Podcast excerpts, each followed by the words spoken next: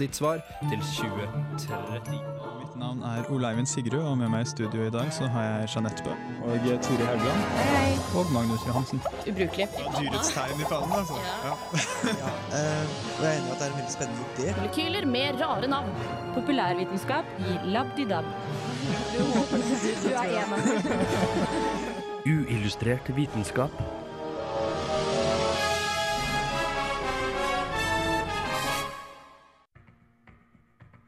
Vi har kommet til uke tre i året 2011 og Uillustrerts andre sending dette semesteret. I ukas sending har Ole Eivind igjen tenkt til å dele sin fascinasjon for slimugg med oss. Mens vi ellers vil ta opp bl.a. mammuter, slumring, djevler og selvfølgelig forskningsnytt fra uka som gikk.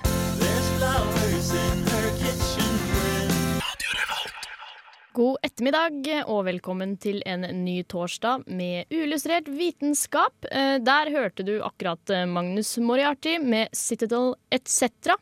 Eller ETC. Punktum. Eh, Jeg heter Jeanette Bø, og med meg i studio så har jeg Turi Haugland. God morgen. Morgen, morgen. Og Ole Eivind Sigrud. kveld, Hei, hei! God kveld. Ja. Eh, vi skal starte dagens sending med noe så ganske utrivelig som eh, dødsannonsen. Og den tror jeg vi starter nå. Dødsannonsen. Dødsannonsen. Dødsannonsen. Dødsannonsen. Well, welcome to Atlantis Way, under, down, under. The sky's always yellow in rain or shine. Down to Tasmania, come to Tasmania. Den tasmanske djevelen er et rovpungdyr som først og fremst har fått navnet sitt pga. sitt hissige temperament, da den freser og skriker idet den blir skremt. Når den ikke slåss, spiser eller parer seg, kan den, på tross av at den er nattaktiv, bli sett liggende langflat og kose seg i solen.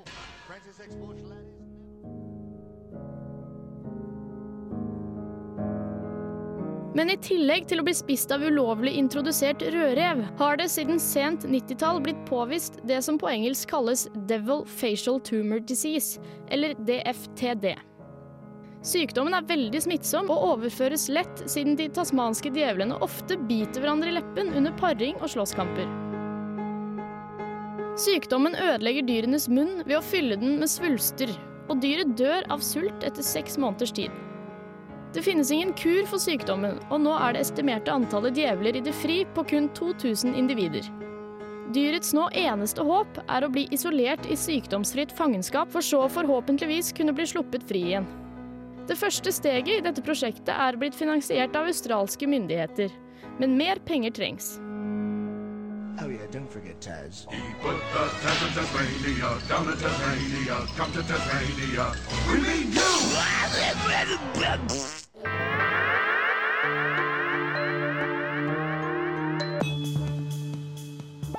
Uillustrert vitenskap. Radio Revolt. This is Charles L. Bennett from Johns Hopkins University. Science, it works, bitches. Yes, der hørte vi Siriusimo, Siriusimo, hva du vil, eh, med Signal, som eh, for øvrig kom med sitt eh, debutalbum den 25. februar, og det skal hete Mosaikk. Før det hørte du litt sånn triste nyheter om den tasmanske djevelen. Ja, det var en skikkelig kjip start på sendingen, må jeg si. Ja, det var det. Sorry. Men, det, jeg syns den har litt sånn ufortjent navn. Fordi Ja. det, det, er jo, det er jo greit nok at han blir sint når han blir skremt. Det blir jeg jo òg. Eh, men jeg syns ikke den ligner på den derre eh, karikaturen, holdt jeg på å si, i hva heter det, Looney Lu- Tunes? Looney Tunes, ja. Ja. Nei, den er jo egentlig veldig søt. Ja, og så lager han fett i halen. Oi. Veldig kjekt. Den, eh, den går ikke på to bein heller. Den er ganske liten, er den ikke? Ja, den er ganske liten og søt. Det ser ut som en blanding mellom en bjørn og en rotte. Ja. Nei, det hørtes egentlig dårlig ut. Jerv og rotte, kanskje. Jerve, jerverotte. Og den ser litt mer elegant ut enn den derre syklingen og Ja, så snurrer han ikke rundt med sånn uh, orkan rundt seg. Det er feil. eh, Det er, ble jeg trodde veldig skuffet over det jeg fant ut. Ja. Jeg skal innrømme. Uh, Men det er jo ikke absolutt alt som holder på å dø ut. Fordi det er jo ting som allerede har dødd ut. Mm. Og det er ikke, det er ikke nødvendigvis slutten på, på historien for de. Og eh, Turi skal eh, fortelle litt om eh, hva det er jeg faktisk snakker om. Eh, men først så skal vi høre eh, 'Saved by a Ganja Leaf' av Zoom T og Disrupt.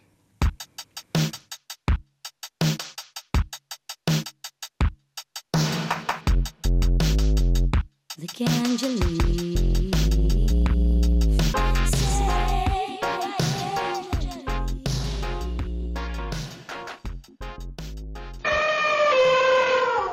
Det er mye vi vet om den utdøde mammuten. Da vi har godt preserverte mammuter takket være deres relativt nylige død for 10 000 år siden, og ikke minst de kjølige omgivelsene de døde i. Faktisk var DNA-sekvensen til mammuten allerede kjent i fjor, da den ble brukt til å gjenskape mammutblod. Men én ting har forskerne aldri blitt enige om. Nøyaktig hvorfor ble rasen utryddet?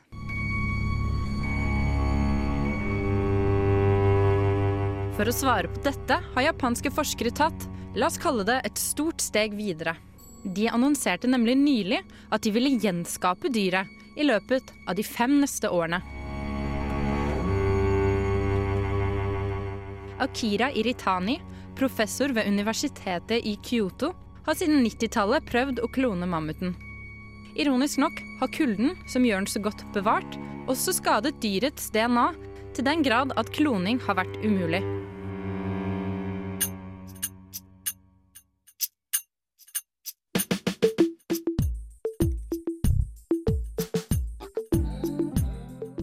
Men takket være en ny teknikk utviklet av dr. Teruhiko Wakayama, der han ekstraherte DNA fra en nedfrossen mus, har professor Iritani fått tilbake håpet. Med en metode basert på Wakayamas teknikk klarte han å utvinne cellekjerner fra en mammut sine egg uten skader. Dette er dog ikke siste hindring på gjenoppståelsen av dyret. Det gjenstår å implante mammutsen nuklei i en elefants eggcelle. Dette vil skape et embryo med mammut-DNA, som igjen må implanteres i elefantens livmor. Så gjenstår å se hvor vanskelig det blir å få elefanten til å føde mammuten.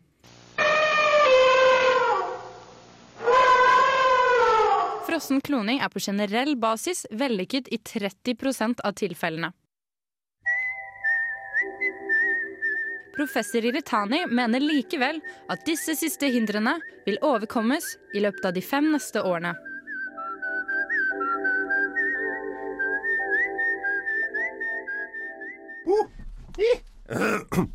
Radio Revolt. Ja, Radio Revolt. eh, Og Uillustrert vitenskap, eh, vel å merke. Eh, Der fikk vi høre om gjenoppstandelsen av mammuten. Det var ganske kristent, Turi. Det Ja, det var det. veldig lenge på. Altså. Jeg syns det er litt sånn eh, vitenskapens eh, svar på påsken. Eh, som vi får om eh, Da får vi på en måte vår, vår egen gjenoppståelse, som vi kan eh, tro. I løpet av fem år, da. Håper jeg. Men eh, det er jo snakk om da den ullete, hårete mammuten. Den eh, mest populære mammuten som er i istid, og som alle kjenner til. Fins det en en uten hår òg? Det visste jeg ikke. Ja, det finnes faktisk mange forskjellige typer eh, mammuter. Nå har jeg jo sjekket litt på det nå når vi skal tydeligvis få de tilbake på vår jord. Eh, og det, det finnes dvergmammuter og kjempemammuter som er mye større enn elefanter eh, generelt. De er sånn minst De kan bli, eller kunne bli minst eh, fem meter høye. Så de er mye større enn den afris, eh, afrikanske og asiatiske elefanten som vi har i dag. Da. Skal de få en vanlig elefant til å føde det monsteret her? Eh, jeg tror ikke De den hårete han- mammuten er så stor. Det er en spesiell type mammut som er en kjempemammut, men jeg håper ikke i hvert fall det er det. Nei. De blir vel vel ikke født fem meter høye, så Jo. Men kanskje men de blir litt større enn normalt i så fall. Jeg vet Hva er det de skal bruke den eh, mammuten til når de eh, skaper den? Ja, det var det som var litt uh, morsomt, syns jeg. Fordi han forskeren Akira uh, Irutani har forsket veldig lenge på mammuter og ønsket å klone dem veldig lenge. Og det er for å svare på den store diskusjonen om hvorfor mammuten i det hele tatt ble utryddet. Ja. Ja, ja. Men nå er det jo ikke samme forhold her som det var da. Nei, det er det jo ikke. Det Men- var jo ja. istid da mammuten eh, levde. Men så de skal putte, Kanskje de skal putte den på Nordpolen og så se på den? Ja. Ja, Kanskje de skal lage en liten mammutpark. Det hadde vært kult.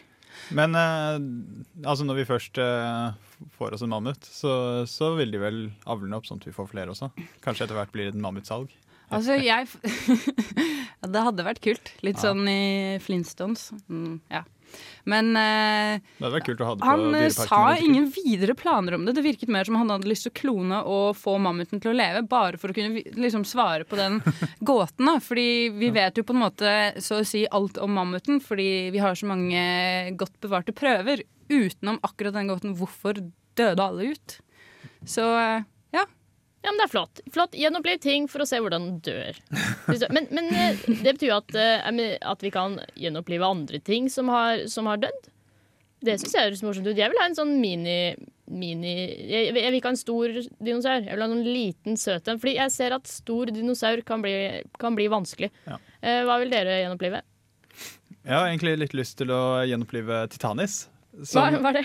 Det er eh, den eh, sistlevende såkalt terrorfuglen. Uh. eh, som er disse svære flyveløse fuglene som eh, romsterte rundt omkring i Sør-Amerika. Og den eh, Titanis, den eh, levde for 52 millioner Eller 5 til 2 eh, millioner år siden. Og den eh, krøp seg hele veien opp til Nord-Amerika, til Florida blant annet, og Texas.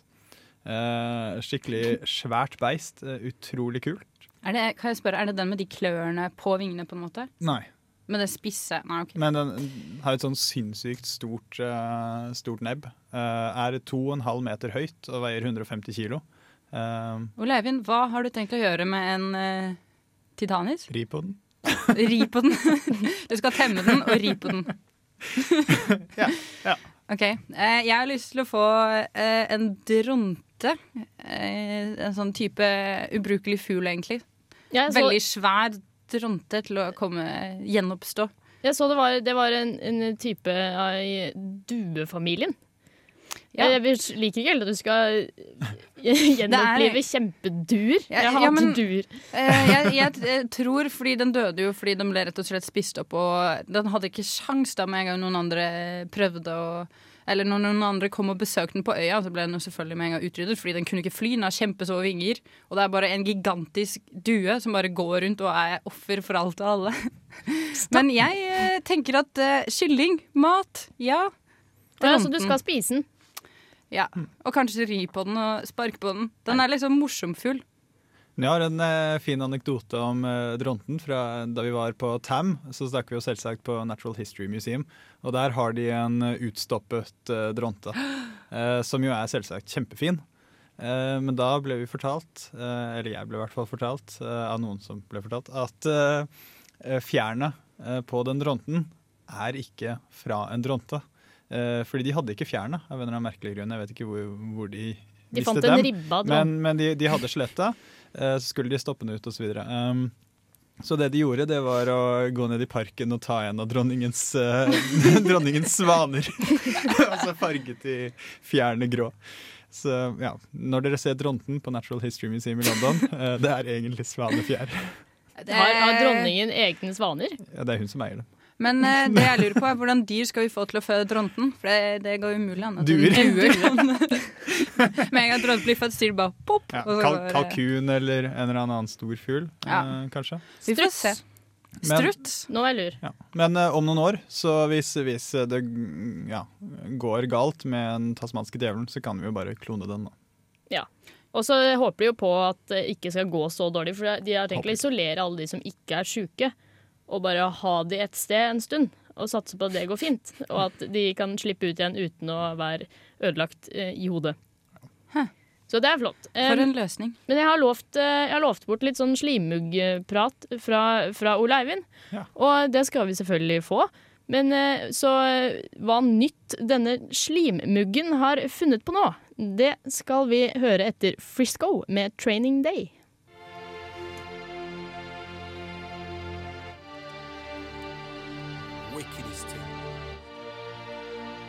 Big Frisk, not low. Fresh music. All I'm saying. it's Big Frisk and I'm back at it.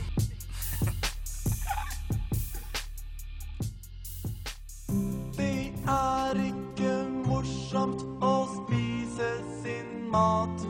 når den ligger i pakke og ikke på fat.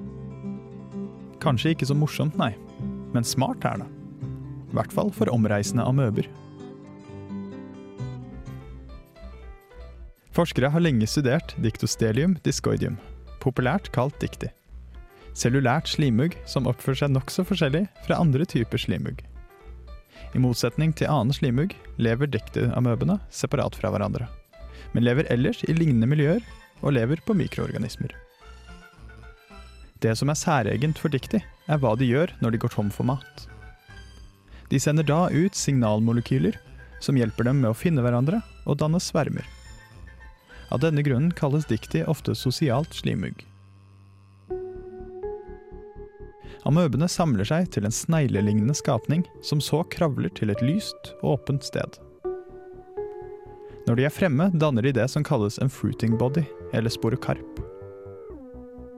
Noen amøber blir til sporer som senere kan danne neste generasjon, mens andre ofrer seg selv for å danne en død stilk som løfter sporene opp i luften. Derfra kan sporene bli ført med vinden til nye, mer næringsrike områder. De fleste slike amøber spiser opp all maten de kan finne i området, før de reiser videre. Men nå har forskere funnet diktier som heller lager matpakke. De siste bakteriene blir pakket inn i et skall og brakt videre med sporene. Det er nemlig slik at når amøbene går tom for mat, er det fordi bakteriene selv har gått tom for næring. Når sporene så lander et annet sted og danner nye amøber, slippes bakteriene løs i håp om at de nye områdene er mer næringsrike. På denne måten er diktiene forsikret tilgang på mat, selv om de skulle lande et sted der det ikke var livsgrunnlag for annet slimmugg. Diktiene tar ikke ellers hånd om bakteriene, i motsetning til maur og andre sosiale insekter, som aktivt domestiserer sopp og insekter. Men dette er første gang et slags landbruk har blitt observert blant encellede organismer. This is Alan Moore, and you're listening to Unillustrated Science. Ja, flott, Oleiven. Takk for eh, nok, eh, nok en eh, slimugg-innføring der. Vel bekomme. Eh, hva har du kalt det? Dikter? Dikti. Dikti? Eh, det var bønder. Ja, eller altså Det man har trodd eh, man har visst lenge om uh, dikti, da, det var at eh, de er et område, uh, formerer seg, spiser uh, alle mikroorganismene de finner. Og når de har gått tom, så flytter de seg videre. Ja. På spektakulært vis. Og så er det også veldig kult at en god del av disse, eller faktisk veldig mange av disse amøbene ofrer seg selv for at disse sporene kan fraktes videre. Fordi de som danner den stilken som får sporene opp i vinden, de dør. Oh, ja. Eh, og det, det er artig at de går med på. Eh, men, men eh, i hvert fall det man da fant ut, var at eh, noen av disse diktene de tar også med seg bakterier Um, istedenfor å spise opp alt. Så det blir som en bonde som har, um, har en åker med forferdelig dårlig jord. Uh, så kan man da ta med seg frø, og så kan man plante dem et annet sted der det er mer fruktbar jord. Ja. Eh, og det er det de gjør. De tar med seg noen bakterier. Sånn og når de lander, så uh, vokser bakteriene der, og så plutselig har de masse mat. Uh, og det er jo gunstig. Um, men det er ikke slik at alle diktiene er bønder. Det de fant ut, var at ca. hver tredje dikti i naturen var, var bønder. Hva gjør de andre? Nei, de andre de oppfører seg da litt sånn som det man trodde man visste. Altså, de, de spiser opp alt. De, de reiser også mye lenger unna. Um, mens de med bakterier de reiser mye kortere unna. Og da er man fortsatt litt usikker. Er det fordi de ikke trenger det? Uh, eller er det fordi uh, bakteriene på en måte hemmer uh, reisen på en eller annen form? De har tatt med seg for mye matpakke. Kanskje. Litt, litt tung matpakke. Um, og så videre så um, Ja, jo, det som også er litt spennende, er at de, de tar, også seg, eller tar også med seg den bakterien de, uh, de liker best, da, som favorittbakterien sin. Ja. Uh, så de, de lager seg en god matpakke, ikke en sånn kjip matpakke som Knutsen og Ludvigsen uh, synger om. Uh, dette her er skikkelig snadder. Ikke knekkebrød med hvitost. Nei. Hei! Eh, og eh, så eh, fant de da ut at dette her er faktisk en genetisk egenskap. Eh, Selv om dette er eh, sosiale amøber, så eh, er det genetisk. Eh, og eh, måten de fant ut av det, var at de tok da fire eh, ja, ikke-bønder amøbegrupper og fire grupper som hadde bondeegenskaper. Eh, og så drepte de alle bakteriene de levde på eh, ved hjelp av antibiotika, sånn at de bare spiste døde bakterier. Ja. Og så etter de hadde spist opp det, så reiste de videre. Um, og så innførte de bakterier igjen, og da var det jo nye amøber, eh, fordi de sporene blir jo på en måte nye. Eh, og eh, da så de at det var kun de som kom fra eh, bondekulturer, da, som fortsatte med det, og ikke de andre. Eh, så det er slik at de som er bønder, de, de driver med det. Det er genetisk, Ja. de, mens de andre de kan ikke lære det engang. Oh. Um, så de må eventuelt få den ja, det genet, da. Uh, og uh, hvilket gen det er, det, det vet man ikke ennå. Så uh, det kommer mer slimuggforskning fra deres kant, i hvert fall. Så kan det hende vi rapporterer om det hvis det blir interessant nok. Jeg, jeg tror det er sannsynlig. Eh, hvordan er det sånn, eller Hvor er det sånn forskning foregår? Er det inne på laboratorier? Dette var på laboratorier, ja. Altså man tok, slimuggen Sitter tok de og dyrker Ja. Man tok slimugg fra, fra naturen, um, men så tok man det inn på lab, sånn at man kan kontrollere miljøet rundt. da. Så de driver og hopper mellom sånn eh, reagensglass, nesten? Ja. Ja, det, ja, det er det morsomt. Eh, eh, vi skal få eh, forskningsnytt for uka som gikk, men først, først skal vi høre noe norskt. Det er Vågsbygd Handy med flaskepant.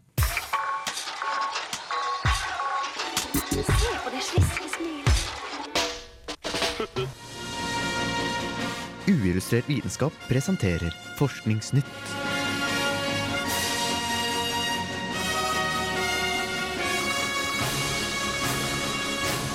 Forskningsnytt. Forskere er på jakt etter exojordkloder, planeter som kan være beboelige for mennesker. Men uansett hvor mye data vi samler fra disse planetene, er det vanskelig å se for seg hvordan de ser ut. I NASAs Jet Propulsion Laboratory har kreative spilldesignere laget et spill hvor du kan bygge nettopp en eksoplanet. Ved å regulere planetens størrelse, alder og avstand fra nærmeste stjerne, kan man se hvordan denne planeten ville kunne se ut. Om den er for langt unna stjernen, en klump med is, eller om den er for stor, en planet med for tykk atmosfære og dermed en gasskjempe.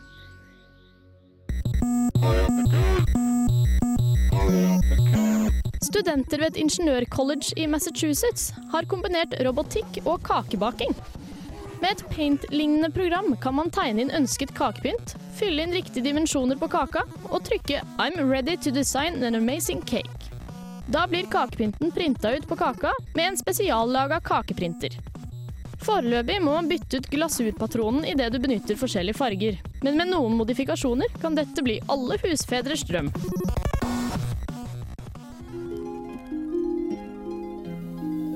Som om ikke tidsreiser er vanskelig nok å forstå, har nå to fysikere ved University of Queensland i Australia nå gjort ting mer komplisert ved å slå sammen kvantesammenfiltring og tidsreiser.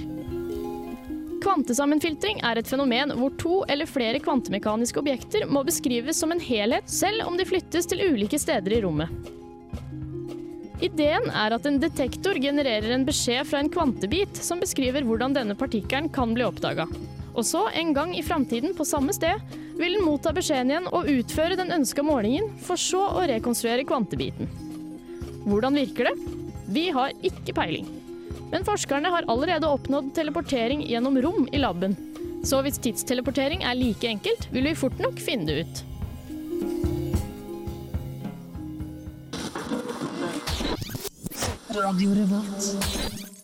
Ja, der hørte vi at jeg tok for meg eh, litt forskningsnytt fra uka som gikk. Og det første var Exoplanetspillet, og det satt eh, faktisk jeg og Leivind og spilte i stad. Ja. Eh, Så hvis du søker på Planet Quest, bare ta og google Planet Quest. Eller fordi Extreme Planet Makeover, som de Ja, også det kan- kalte det på litt sånn håpløst vis. Men Jeg søk på Planet Quest. Eh, også, eh, fordi den eh, nettadressa var litt sånn eh, halvkjip å begynne å si på radio. ja, det er veldig lett å google seg frem til. da.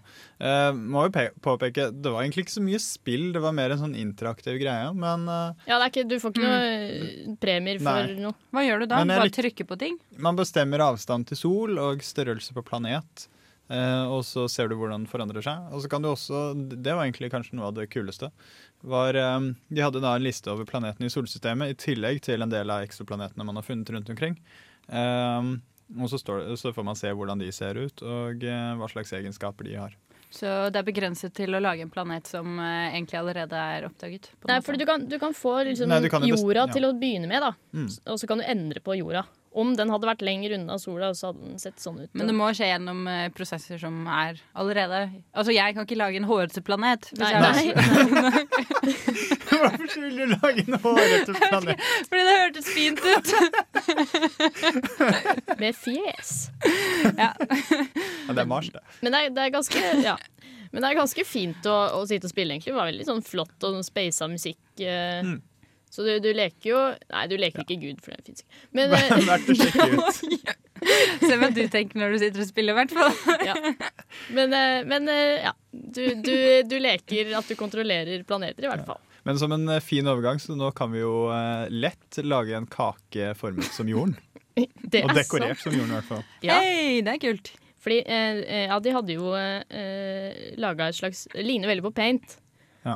Eh, og så kan du skrive og tegne i paint, noe som ikke blir spesielt pent. For vi så en liten sånn demo av at de skrev 'Happy birthday' eh, en eller annen. Også med sånn kålete museskriv i. Ja. Så vi håper at det går an å bruke sånn her pad. Sånn, hva heter det? Eh, Vakuum, tablet-sak. Ja. Eventuelt bare skrive med, med fonter. Eller Eh, gjøre med bilde. Bare putte inn sånn bilde av f.eks. jorda. Sånn at du får skikkelig sånn Ja. Men det her var vel egentlig ikke første gang jeg har sett en kakeprinter. For jeg har jo sett sånn eh, som eh, på en måte airbrusher bilder på kake. Ja. Eh, og da kan du sånn printe fotoer på kaker og så videre, og så ser det alltid litt sånn halvstygt ut. Men her er det altså en robot som kjører bortover, avhengig av hva du vil tegne, og klemmer på en sånn glasurtube.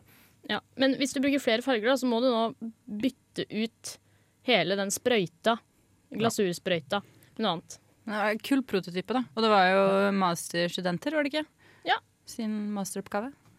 Eh, og så, så i det programmet da, så sitter, må du velge hva er basisfargen på glasuren. Så, så var den hvit i det tilfellet her. Og så får du printa det, er- det er egentlig for de som ikke gidder å klemme ut glasur selv, fordi Jeg vil jo se for meg at det kanskje er Det er ofte menn som ikke pynter kaker så veldig fint, så de kan kanskje kjøpe seg en maskin som gjør det for seg. Men det var, det var ikke spesielt pent uh, riktig ennå. Det var deres dårlige paint-egenskaper. Men da ser det jo hjemmelaget ut, i hvert fall. Ja, det er hyggelig. Veld, Veldig, veldig koselig, veldig koselige kaker. Ja. Eh, og så var det eh, tidsteleportering.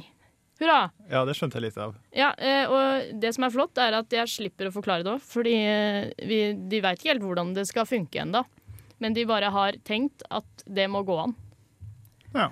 Det er Det, fint. må- det må jo det. Ja, det må, det, det, det, Men eh, det jeg lurer på, da, fordi den der teleporteringen den har jo jeg sett litt grann på før. Og det er jo snakk om teleportering av kvanter, altså partikler, elementærpartikler. Men du kan jo ikke putte sammen de til større ting og så få de til å teleporteres. Altså, Det kan jo ikke skje før om Du vil ikke bli brakt tilbake til 70-tallet, hvis det er det du er ute etter.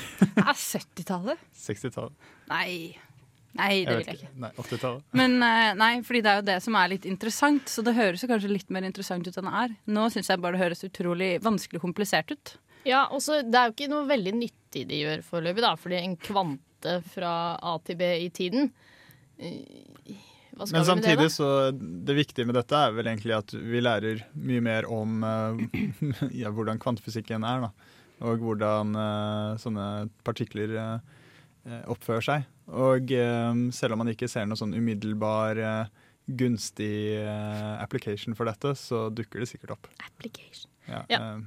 Bruksområde. I eh, dag tidlig så valgte jeg å trykke på slumreknappen. Det var sju ganger. Eh, og ganske gretten da jeg måtte stå opp den siste gangen, egentlig. Eh, og Turi har, eh, skal fortelle oss litt om slumretrykket, knapping, knapping-trykking. Eh, men det er etter Tømmermenn med Hellig.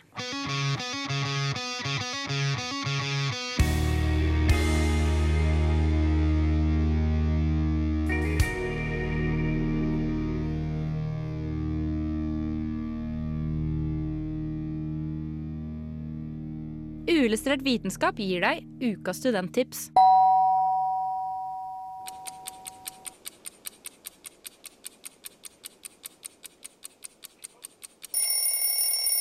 Nei! Bare fem minutter til! Og igjen og igjen. Sånn foregår morgenen til en del mennesker takket være snus eller slumringsknappen. Men slumring er en rutine som kan gjenta seg opptil flere ganger hver morgen. Er det ikke da bedre å bare utsette vekkerklokka én time? Blir kvaliteten på søvnen den samme?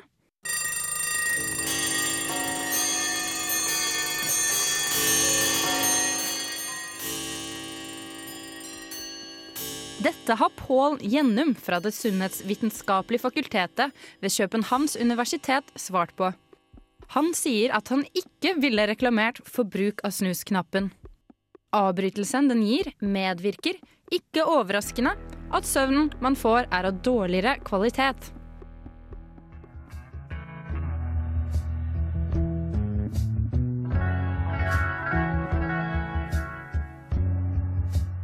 Generelt mener Gjennum at det er bedre å våkne langsomt av lys som blir kraftigere og kraftigere, da kroppens døgnrytme er innrettet etter det skiftende lyset.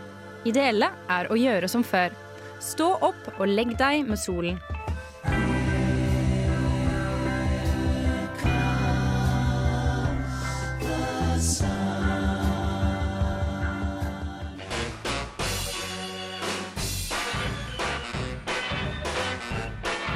Hei, jeg heter Petter Skjerven, og jeg lytter til Illustrert vitenskap på Radio Revolt så ofte jeg bare kan. Uillustrert. Veldig bra. Hei, jeg heter Petter Skjerven, og jeg lytter til Uillustrert vitenskap på Radio Revolt så ofte jeg bare kan.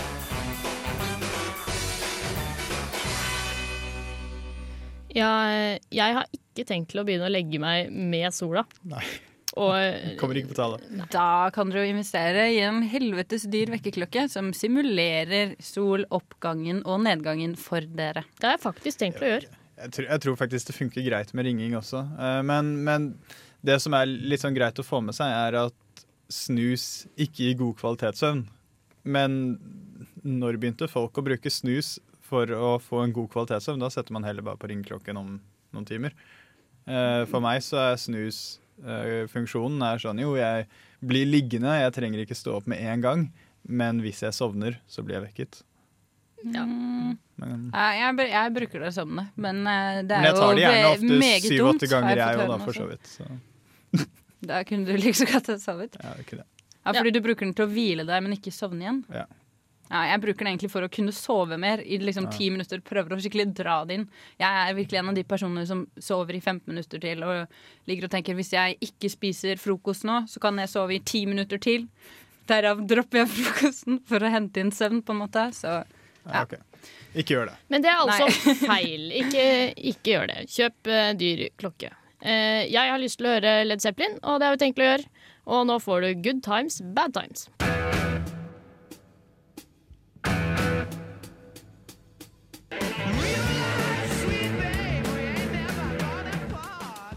Du hører på Radio Revolt, studentradioen i Trondheim. Mens eh, dere der hjemme satt og nøyt eh, Led Zeppelin, så eh, fortalte Turi om en litt morsom vekkerklokke. Fortell. Ja, vekkerklokken kalt Klokki, eh, som har to hjul. Så hver gang den ringer, så begynner hjulene å spinne rundt. Og så må du løpe og jage din egen vekkerklokke for å kunne skru den av. Det var lurt. Og slik kommer du deg opp av senga. Genialt. Eh, det som pleier å skje klokken 16.56, det er at eh, vi i Ulstrød vitenskap begynner å gå litt tom for tid. Så da kan vi jo begynne å fortelle om eh, hva vi kanskje kan få høre neste uke. Og i morgen så er det en EIT-gruppe, eh, det vil si eksperter i team, som skal eh, ha et lite foredrag om eh, teknologikunst-app. Altså en app til en, en telefon. Android-telefon. Som de lager, da, Ja. eller?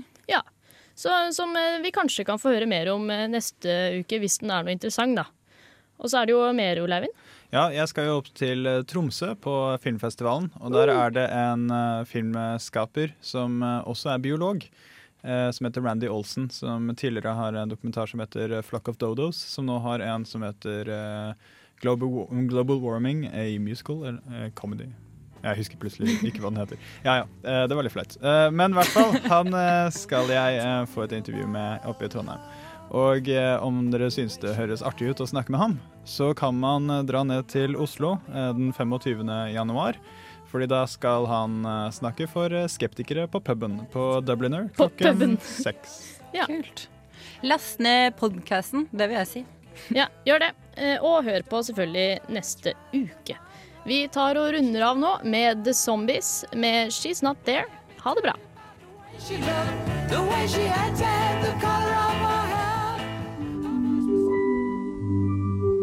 Uillustrert vitenskap er Midt-Norges eneste teknologimagasin på lokalradio.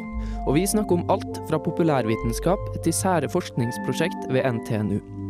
Radio Revolt, studentradioen i Trondheim, er stolt av å kunne presentere podkaster fra de aller mest populære programmene våre. Hvis du har lyst til å høre mer fra Radio Revolt, hvem vi er og hva slags musikk vi spiller, så kan du høre oss på FM-båndet i Trondheimsregionen, eller streame sendingene våre live på radiorevolt.no.